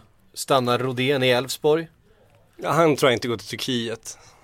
Eh, jag vet inte om han går nu heller. Det känns som han, han får ju möjlighet i landslaget från och med. Där är ett bra Mm. skyltfönster och så. Men, men det känns fortfarande som de här riktigt stora talangerna kommer nog inte i första hand blicka mot Turkiet. Jag tror att det är Nej. de som är, har blivit 24, 25, 26 och kanske har lite mer bråttom. Nabil skulle, om han får riktigt bra turkisk klubb, tror jag kunna tänka sig det steget. Ja, du tror det? Ja det tror jag. För han, han behöver en klubb, han behöver inga utvecklingssteg så han måste vidare Nej. och det känns som att han sitter ganska fast. Men det är med den typen Pano som inte riktigt fått chansen. Jag tror att det är många sådana spelare som kommer försvinna dit. Lasse Vibe? La- Lasse Vibe, varför inte? ja men typ alltså, det skulle ju Ja. kunna hända. Eh, Det var ju några sådana som gick till Ryssland för sådana Wanderson och sånt, de skulle kunna dra till nu också. Precis. Fast Vibe är väl lite dyr kanske för att kalla, kalla sån värvning. Ja, nej men det finns sådana. Jag är övertygad om att det kommer, kommer scoutas rejält. Det kommer vara turkisk närvaro på de allsvenska läktarna om vi säger så. Det kommer det vara. Helt klart. Hörru du, vi har, eh, ja, vi har en stund kvar. Ja, vi, vi river av lite frågor. Vi börjar med en från The Swedish Gooner. Eh, om ni hade varit en spelare, vilka spelare i Premier League hade ni velat spela med som hade varit roligast att spela med? Eh, Özil frågar han. Eh, Jävla diva ju, vad fan. det, det, han hade hamnat ganska långt ner på min Ja, det håller jag med om. eh, på min lista. Alexis Sanchez däremot hade, alltså någon som tar jobbet åt en. Ja, exakt. David. Silva verkar så glad också, det tycker jag är roligt. Ja, Santi Cazorla är ju en, han är ju en glad skit. Ja, han är en glad skit också. Sen skulle jag gärna ha, eh, alltså William och jag skulle kunna tänka mig Oscar också. Så att de liksom de får löpa hem lite åt mig också, trots att de är jävligt Ja, men- roliga att spela med Ja, också. men det är det jag menar, man, man vill ha någon som, som, som löper upp lite ytor åt Exakt, så vill man ha någon exakt. som slår smörpassningar Ja. när man själv bestämmer sig för att ta en, en djupledslöpning. Så jag, jag säger Alexis, kombinationen av Alexis Sanchez och Santi Cazorla. Ja, vad trevligt. Så det är väl en, Arsenal en, ändå en som- käsk bakom sig kanske. För man vill ju fortfarande vara i en offensiv position själv. Ja, men, Gärna striker. Absolut. Zlatans defensiva ansvar skulle jag kunna ta. alltså jag hade ju inte velat spela bredvid Dejan Lovren i Liverpool direkt och hela bara sprungit runt och varit nervös. Vart fan, vart är han nu liksom? Nu står han fel igen. Man ser ju, alltså Martin Skertel har ju åldrats 14 år den här säsongen. bara på Ja, den är kämpig. Ja, men där är jag med dig. Jag håller absolut med. Ja, men eh, offensiva, roliga spelare Mm. som ändå kan ta det defensiva jobbet. Det, det är väl prio ett. Och sen någon som kan lägga Jag passningar. hade velat spela, jag hade velat spela tillsammans med Peter, Peter Crouch också, bara för att han verkar vara en jävligt skön snubbe. Men ganska enkelt också. Man siktar på huvudet på gubben liksom. Man vet Ja. vad, som, vad det går ut på. 47 nickmål. Ja, Han passerade det är Shearer. Det gör Ja, lite ont i ditt hjärta, Det gör faktiskt ont i mitt hjärta. Shearer är en personlig favorit. Mest för målgesten där också. Ja men där, där har du ju Och bra. för att han är fotbollshistoriens bästa straffskytt alltså. Han visste, alla visste, högt till vänster, målvakterna visste, högt till vänster, spelar ingen roll. Han tog i så bara sjöng om det så rakt upp där, ingen hann dit ändå liksom. Bara krutar den jäveln. Har han fortfarande målrekordet? Premier League, han har ju flest mål va? Ja, jag tror det om jag inte är helt ute. Ja, jag Måste tror det det. Det måste han ha. Ja, gjort de Eh, snyggaste i alla fall. Ja, han var väl inte känd för sina snygga mål. Hö, Han gjorde höger många. volley från högerkanten mot Aston Villa, kommer ett långt, fan Basten fann nästan från halva. så Ja just det, men den, den är fin. Ja, den, den är jättefin. Eh, en fråga från Elias Pettersson. Tror ni att Christian Eriksen kan lyckas övertala sin danska polare Bentner att gå till Spurs? Han är ju ändå sista pusselbiten. Eh, inte, ett, inte en sillypodd utan att vi nämner Bentner. Nej men vadå, kan vi kolla hans track record nu Han har alltså vunnit Serie A, han har vunnit FA-cupen, han har vunnit tyska cupen på tre år va? Mm. Och han kanske har spelat, jag tror att han spelat 13 matcher kanske från start under tre år. 13 matcher, tre titlar, men fan det finns ju ingen som gör det. Det finns ingen som gör det. Briljant. Så det är ju titelgaranti på Bentner. Du får inte någon spelare, men du får titelgaranti och du får en jävligt bra lagfest. Ja, du kan, du kan få någon som kan ta lite, lite vind också från eh, övriga laget, någon som kan ta lite rubriker. Ja exakt, ja när Ronaldo behöver pissa liksom. Du skickar med. Bentner och gör det dummare så är det inga problem. Piska en taxi. Piska en taxi. Men Bentner, det känns just nu, han är väldigt tydlig själv att han ska stanna. Så det känns som att han vill ge det en sista chans.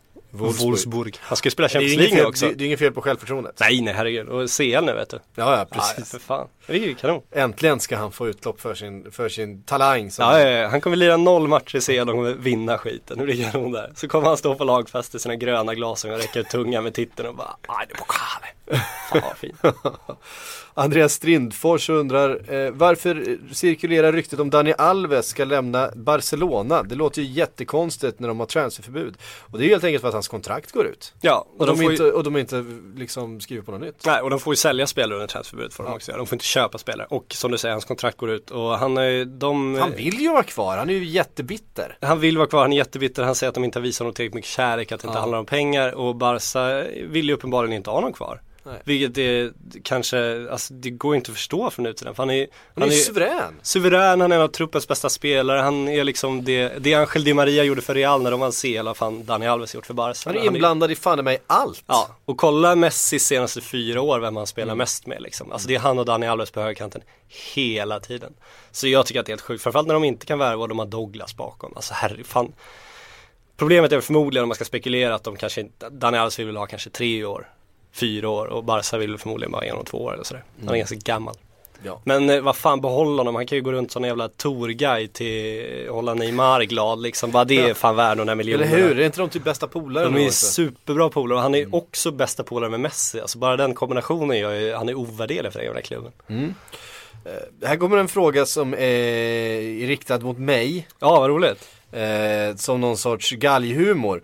Eh, Alexander Järpe skriver, behöver lite tisdagshumor. Prata om Liverpool och deras storköp. Avsluta gärna med vilka Patrik vill se i Manchester United till nästa säsong. Eh, Nu får du börja med era storköp då, låter som. Vad kommer? jag Vad blir vet- det av? vi har ju- nästa Torres? Eh, det blir inga storköp, det har jag ju alltid sagt. Ja. Vi har ju bara gjort, alltså sen, alltså sen Fan i mig 90-talet har vi gjort en enda, en enda riktigt stor värvning och det var Torres. Ja men så är det ju. Ja. Det är inget konstigt. Så att det här, alla de här ryktena varje år och det ska vara liksom Higuain och det ska vara Lacazette nu och det ska vara det ena med det andra. Det, vi fick ju ganska svart på vitt att det inte kommer bli Lacazette i alla fall. Eh, han nämnde ju Liverpool och fan, de spelar inte ens i Champions League. Jävla dumheter tyckte deras sportchef och det har han ju helt rätt i. Det får man ju förstå alltså. Ja, ja, Men det känns också som vi, i Eng, vi England, de i England och vi i Sverige eh, ofta gillar att övervärdera Liverpool lite. För att det är en sån klassisk klubb, det är en sån, sån stark klubb i, vår historia eftersom vi har vår stryktipshistoria och de har sin fotbollshistoria uppenbarligen. Så vi gillar ju att tro att spelare vill gå till Liverpool men om du åker ner till Sydamerika Men det ju- och kastar det, ett Men Liverpool det är lite så, så, det är lite typiskt liksom Skandinavien och sen är det i England. Man också har samma liksom Ja. syn på Liverpool fortfarande. Eh, resten av världen ser inte riktigt ut så. Nej men det räcker, å- åk till Italien, jag tror inte att Liverpool är så, så stort och lockande namn. Det blev ju det i Spanien på ett sätt för att eh, Torres och Xabi Alonso gjorde så bra ifrån sig. Men, men åk till Sydamerika, alltså det är inte Liverpool de drömmer om. Det är ju bara det är Real och Barca. det. Det är väl framförallt i, liksom, i Afrika, i Sydamerika och, och sådär som det är inte Liverpool som, som man drömmer om eh, att spela för. Nej, och de har historiskt sett också haft ganska mycket engelsmän i sitt lag. Det påverkar ju också såklart. Alltså för är å andra sidan inte Manchester City heller tror jag. Nej så är det men det, det kan ju börja bli nu. det är det jag menar för de har ändå Ja. tagit in en Yahya Touré som är liksom är Afrikas bästa spelare. Alla afrikaner ser dem i City, får den här Yahya Touré-tröjan. Det är det som har påverkat också. Liverpool har inte haft så många internationella storstjärnor som varit bärande. Alltså de har ju satsat ganska engelskt och det gör ju också att då blir det ju stora England såklart. Men, men det är ju inte så att den lilla grabben i Italien får en Får en Liverpool-tröja för att eh, Roberto James- Baggio spelar där liksom. Alltså det, Nej. det, då når inte det namnet på det sättet. Ja men så är det. Eh, vilka vill du se i Manchester United då? Alltså Hummels vore ju tacksamt. Jag tycker att Gündogan vore ett bra köp också med tanke på att de ändå har Carrick kvar och det känns som Gündogan, det finns vissa frågetecken kring honom också. Men får de utveckling på det är det jävligt bra. Och han kommer Herrera vara... har ju haft en okej säsong tycker jag. Ja absolut, men, men ju Gündogan är ju billig poäng, också. Poängspelare. Så är det, men man kan se dem rotera ändå för Gündogan har inte den statusen att han skulle gå in och ta över där. Så jag tycker att det är rätt perfekt värvning för dem. Sen behöver de ju tveklöst förstärka mittförsvaret med mer än vad, vad Dante är liksom. Så, så är det ju. Får se om de lyckas. Annars är Dante ett rätt okej köp kan jag tycka. Den kommer inte lyfta dem men han kan väl rotera också. Eh, Vad sen, finns det för mittbackar liksom? men Hummels om han är sugen, men han verkar inte vara sugen. I så fall hade han gått redan känns det som. Han har ju fått chansen. Ja, så är det ju. Sen kan man ju diskutera om det går att knipa en Peppe snart kanske. Om man ska göra det. Åh fy fan. Ja, jag vet. Den, den är kontroversiell. Men, men det är en möjlighet, ett stort rutinerat namn, det är ett kille som skulle hålla några år till. Om de vill släppa fram varann nu kanske, kanske det ändå finns en chans där. Det, det är ju ändå värt att diskutera med tanke på hur få bra mittbackar det finns som är till salu så. Och sen blir det jättespännande att se vad de gör offensivt för att van Persie borde säljas nu tycker jag. Han de borde ha har- sålts förra sommaren. så är det. Och de har där som kan ersätta men sen ska ju Falcao också ersättas då. Och Där, de, de skulle må bra av att få in en riktigt stor värvning, en riktig stjärna och det är väl ganska tacksamt att försöka få in en anfallare. Higuain brände en straff som var rätt viktig för Napoli. Kan han, kan, kan han flytta på sig? Ja, nu när de bytt manager så känns det som de också ska ö, värdera sin trupp och sina spelare. Det ryktas om honom varje, det ryktas om honom liksom en månad efter han gått dit att han skulle bort igen. Så det förstår jag inte riktigt. Det känns som det är många engelska tidningar Han som var ju inte väldigt nära Arsenal. Jo, och det känns som många engelska tidningar också inte förstår att det är ganska stort att spela borta i Napoli. Ja. Ehm, Martin Krig. Eh, nu tänker jag sätta din, eh, din research inför U21-EM Ja. på prov här. För jag vet att du är full fart med det va? Exakt. Du borde vara i alla fall. Jag, jag har en A-landslagssamling först bara, sen ska jag ta tag i U21-EM. Men kör vind. Ja, Martin Krig undrar, vilken spelare kommer vara hetast efter U21-EM i sommar? Alltså, jag är sån här Ward Prowse och de där jag pratat om ganska länge, jag tyckte det var på gång. Men jag vet inte, alltså det är så jävla, oftast Harry Kane? Harry Kane är ju redan het så det känns inte som han kan göra mer ur 21 som skulle lyfta hans status ännu mer. För även fast han skulle bli skyttekung där skulle alla bara säga, "Jo, men det var ju vad vi förväntade oss. Om vi tittar bort från England då. Alltså John Guidetti har ju århundradets jävla möjlighet. Så är det ju tveklöst. Han sitter utan kontrakt. Han, han är bra. Han är ju en jättebra spelare. Vi, alltså, om man ser till fortfarande ung han är så har han faktiskt gjort en del och vi vet att han har den kapaciteten. Celtic hamnar snett nu för att det var den här kommunikationsmissen. Eh, så han har ju, om man kollar i svenska laget så tror jag han har alla möjligheter att göra extremt stort intryck. För de kommer möta England och kommer möta Italien. Det kommer vara de som tittar på de matcherna också. Så gör han bra ifrån sig där så kan han lätt spela till sig ett jättekontrakt. Och vi vet att han har den kapaciteten och har lite tur också. Så han, eh, i Sverige har han en superchans. Annars tycker jag Sverige är ganska omoget lag om man ser till liksom fysik och spelare och sådär. Så jag tror inte att någon kommer göra den explosions, det explosionsartade genombrottet. Jag ser Kristoffer Olsson har mycket fotboll i sig men han känns fortfarande ganska tanig. Jag har svårt att säga att han skulle ta över där liksom. Det, men det, ja, det är Guidetti som känns redo liksom. I något av de andra lagen du ser någon, någon potentiell stjärna tändas? Finns ju stjärnor, vi har ju kollat lite på Italien och Portugal men inga sådär, alltså det är det som är så spännande. De man vill se är de här som liksom spelat lite mindre i sina största ligor. Som man Mm. inte riktigt har stenkoll på. Det är ju där det ska blomstra. Så jag hoppas att jag blir överraskad istället. Ja, ja, ja. Eh, vi får anledning att, ni, ni ska väl podda lite där nerifrån är väl tanken va? Det blir lite Ja. sillypodd nerifrån eh, Tjeckien. Jag, Jönsson och Niva ska dit så vi tänkte Mm. att eh, vi ska lite tv också där liksom hela vårt tv-koncept går ut på att jag, Jönsson gör Niva irriterad och ser vad som händer. Niva vet inte om det här tv-konceptet än men vi tror stenhårt på det formatet. Eh, jag, jag ser framför mig att det kommer vara lyckosamt. Ja, eller hur? Eh, Det känns som det är, det är hela vår deadline, den decenniet har gått ut på. Så jag tycker att vi tar med oss det, det succéreceptet ner i. Tjeckien också. Erik är ju roligast när han är irriterad. Erik är fantastisk när han är irriterad. Annars är han bara självgod. Han har två Det är lägen. kanon där. Jag vet att du inte lyssnar Erik. Så det här är lugnt. eh, fråga från Albin Larsson. Eh, Schneiderlin. Wenger måste väl köpa honom nu? Don't buy Schneiderlin. Klassisk strandreplik. Eh, ja, det kan man väl tycka. Ja. Han borde få gå nu. Han stannade i ett år och verkligen eh, gav var allt för det här inte laget. nöjd med det. Han var inte nöjd med det. Så att, eh, Alla andra hade ju lämnat. Så var det. Intresse fanns ju uppenbarligen eftersom han så tydligt var så besviken. Det var ju Mm. någonting, någonting de hade snott från honom. Ja, den är väl lite dum. Nej, han hade ju passat jättebra där tror jag. Ja, en sån spelare, de, det känns som de behöver också. De har nog med små tekniska killar, de behöver någon liten urkraft också. Ja. Lite rejält. Exakt, det är rätt ord. Eh, bandyportföljen tycker att vi ska diskutera Leicesters sexparty i Thailand. Nej tack säger jag. Vi går, vi tycker vi struntar i det helt enkelt. Jävla idioter, så kan man sammanfatta det de gjorde. Herregud vad trött man blir på sådana Ja. jävla nollor. Eh, går vidare till Martin Örmgård. Eh, som skriver, lite osillig kanske? Nej, det tycker jag inte. Men om, läs när, de Gea lämnar United. Är inte Valdes bra nog för att vara etta? Jo, ja, det vet vi ju inte riktigt. Det var länge sedan. Alltså, jag kan ju säga så här. Jag har aldrig varit någon sån här superfantast utav Victor Valdes. Inte när han var i Barcelona heller. Jag tyckte det var en, en ganska begränsad målvakt. ehm, som vars fram, största egenskap var att han nästan aldrig blev satt på några prov för han spelade ett sånt fruktansvärt bra bollhållandelag. Nu får jag alla Barca, Barca älskare på mig men, men det är en duktig shotstopper som de eh, brukar kalla det. Men det är ju inte en spelare som kommer liksom vinna luftdueller mot Peter Crouch eh, tio gånger i en match liksom. Jag kan säga sen när Valdes var i Barcelona, om jag var Barcelonas manager skulle jag inte byta honom mot någon målvakt i hela världen då. För att han, var, han hade precis det Barcelona behövde då. Han behövde inte vara bra i luften utan han var en bra shotstopper, han var bra Ja. på linjen och framförallt så Han var han ju fötterna. helt briljant på fötterna. Ja. Det finns ju mål han ligger bakom där han med liksom i crosspassningar, i, i spelvändningar liksom. Han, han var ju en, en, liksom en Manuel Neuer innan Manuel Neuer. Han gjorde ju det Manuel Neuer. Manuel Neuer fått väldigt mycket eh, hyllningar nu för att han agerar libero i det defensiva. Men Mm. Victor Valles var ju defensiv mittfältare i det offensiva liksom redan då. Så jag tycker att han var helt briljant. Jag tycker absolut att han är tillräckligt bra för att spela för Manchester United. Han är däremot inte tillräckligt bra för att ersätta David de Gea. Det är väl där problemet är. Sen är frågan om det finns en annan målvakt som är tillräckligt bra för att ersätta David de Gea. Det pratas ju om Jo- Joris. Ja, då Eh. skulle jag hellre satsa mina pengar på Valdes som redan finns i truppen. Du skulle det alltså? Ja, det skulle jag göra. För att jag tycker att det är ett onödigt köp. Så mycket, eh, alltså så mycket säkrare skulle jag inte vara på att Juris eh, blir Premier Leagues bästa målvakt i Manchester United. Jag tycker att eh, Joris är en av Premier Leagues bästa målvakter redan. Ja, men han är jag skulle extremt hellre- stabil. Han, han gör ju väldigt, väldigt sällan en dålig match. Absolut, men jag skulle hellre åka till Leverkusen och försöka få över Bernt Leno och ägna två säsonger åt att övertala honom medan man har Valdes i målet.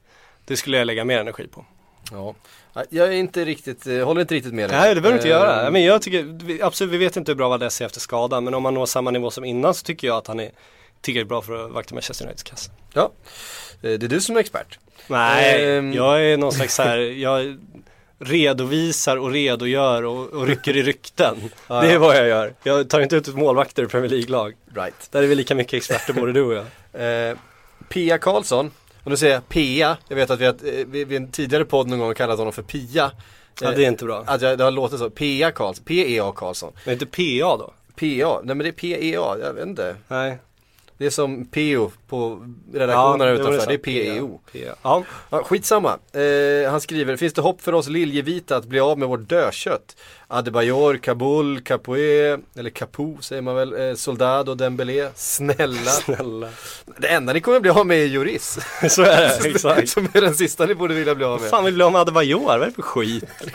Det är bäst. Alla vill bli av med Adebayor. Tyvärr är det så. Ja. Eh, ja men det blir av mig kan det nog men det kommer ju aldrig få några pengar så jag vet inte, liksom kommer inte få igen det när jag går på Soldado så att jag vet inte hur smart det är och om man vill rea bort honom absolut men jag vet inte om det är rätt affär heller. Eh, Capo, Kabul, eh, absolut. Dembélé, jag gillar ju Dembélé. Jag är också tycker- lite svag för Jag Dembélé tycker, faktiskt. tycker att han är, alltså hade han bara lärt sig slå den sista bollen framåt istället för att spela hem den till mittbacken när han har dribblat fyra pers Så, så hade han ju varit en av världens bästa centrala mittfältare Ja. eh, Ja, nu är han metodik inte det. kanske men. Eh, nej men det finns stunder då han gör, han, han, bara, han bara promenerar förbi folk. Han, liksom så här, han har så, så sköna liksom, eh, kroppsfinter och, och eh, bra bollbehandling men det blir ingen end product överhuvudtaget. Ehm, Men det är svårt det där att titta för jag såg på, eh, vad fan var det? Det var väl fa Cup-finalen när Grealish lirar. Eh, Som var så jävla högt aktad, många pratar om honom och sådär. Alltså kolla den matchen igen, han slår noll passningar framåt. Mm. Alltså han, allt han spelar är sidled där bakåt. Allt, allt det här lätta sidled bakåt, sidled bakåt, sidled bakåt. Ja. Det är så jävla svårt det där men fan vad jag blev besviken på honom måste jag säga. Ja, eh, nej, men det, och det där är ju, det finns ju, jag vet inte ifall jag har dragit den här, jag läste eh, i någon engelsk tidning eh, en intervju med, med Dembélé när han får frågan eh, just kring sin end product. Ja. Eh, han har ju tydligen väldigt, väldigt dåligt skott. enligt, enligt sig själv. Och, och eh, det handlade tydligen om att när han, i någon förort till Bryssel, det han är ifrån, eh, när han växte upp så hade de inga, de hade bara basketplaner. I- området där de bodde. Så de hade liksom Inga för nät, för liksom. Nej det fanns inga mål. Ja. Så för att göra mål när de spelade på skolgården Då hade de liksom en ruta där man skulle passa till någon som stod. Ja. Så man skulle liksom spela sig förbi motståndaren och passa till Ah. någon. Så det var så man gjorde mål. Så, så han liksom, de sköt aldrig, de slog aldrig några längre bollar. Det var väldigt mycket hålla boll, lite futsal liksom fast utan skott. Och det var så han liksom fostrades som fotbollsspelare. Och han anger det själv som, sitt, som eh, anledning till att han har så dåligt skott och att han eh, faktiskt gör så få poäng. Ja, men det så, fattar som man ju. han gör, men han är fullständigt briljant i att hålla bollen på små ytor, driva den framåt, ta sig förbi en gubbe och så vidare. Det är svårt det där bara, om du ställer en gubbe i mål, det blir offside då tyvär liksom. Så att det finns vissa svårigheter med exakt. Han skulle ha någon att passa där det i. där. Ja. Ja, Vi hade ju en briljant plan när jag växte upp också. Det var, bakom mål fanns ett ganska, ganska lågt nät och sen bakom det fanns ett hav med brännässlor liksom. Så man sköt ju lågt gjorde man. Usch, Ja, usch. Eh, ska vi ta sista frågan också då? ja absolut. Erik Tektor eh, undrar, vad är Citys chanser att värva Pogba och De Bruyne i sommar? Eh, ja, nu med lättare FFP så, så det är klart att eh, det är väl hosta upp som gäller i sådana fall. I så fall, Pogba tror jag blir jätte, jättesvårt. Jag tror att Pogba, han är ju på den nivån där han kan drömma om vilka klubbar han vill och det är fortfarande inte Manchester City man känns både drömmer om. P- och- PSG och Real känns ändå Ja, och framförallt, framförallt Real. Alltså jag tror att, jag tror att han, det, det påstås ju att han blickar mot Spanien. Jag tror att det är den affären de vill göra. PSG, då får de hosta upp också, men det påstås ju att han ska ha krävt Zlatans lön då, att det ska vara liksom vart, vart pengar han är ute efter om han nu ska Han gå har till ju PSG. Raiola som eh, Så är det, så han vet ju vad Zlatan tjänar också i den förhandlingen. Så att det är Precis. svårt, svårt att kapa den. Eh, så jag tror inte de har någon chans på Pogba om man ska vara helt ärlig. Eh, Kevin De Bruyne eh, blir också intressant om han skulle kunna tänka sig att åka till Premier League igen med tanke på hur det gick förra gången. Och eh, det det snackas om nu är att han blickar mot en affär nästa sommar istället för nu att han vill spela Champions League med Wolfsburg också, vilket nog, nog är smart. Eh, och då återstår att se om City är sugna då, men där skulle de nog kunna vara med och rycka för han är ju ingen, ingen Real Madrid-spelare än i alla fall. Nej, det är han inte. Hörru du, det var allt vi hann med den här eh, tisdagen. Det var ganska fullmatat. Jag, känner mig, jag känner mig trött i halsen till och med. Gör det? jag brukar inte prata så här mycket men jag har pratat oerhört mycket idag tror jag. Ja, Det okej. känns så. Jag sitter jag hes och allting och du klagar på att du är trött i halsen alltså. Ja, men, Ja, nej, men tackar mitt, vi för. Mitt jobb är att trycka på rec. Ja, det är sant. Så är det. Ja, vi var ju bara två idag också eftersom Ja. vi fick ställa in igår. Japp. Men för Eh, fan. Hörni, tack för att ni har lyssnat. Tack Patrik för att du kom. Vi hörs om Och en eh, vecka får man be igen. om en liten grej? Ja, det är klart man får. Om ni vill ha tv-formatsidéer eller något annat när vi drar till Tjeckien. Det, det som kommer hända är att ni har ett matbord, ni har mig, ni har Fredrik Jönsson, Erik Niva. En Vad ska vi göra? Go liksom. Ja, Vi tar tacksamt emot alla slags idéer och förslag. jättekul. Mm. Eh, skriv eh, på mejlen, eh, ja den kan ni säkert lista ut, våran mejl. Ja, det går och, och, och, och Twitter följer ni oss redan, eh, hoppas jag. Annars jävlar. Så eh, hörs vi om en vecka igen. Tack! I think I worked for 16 years here in England, and I deserve a bit more credit than wrong informations.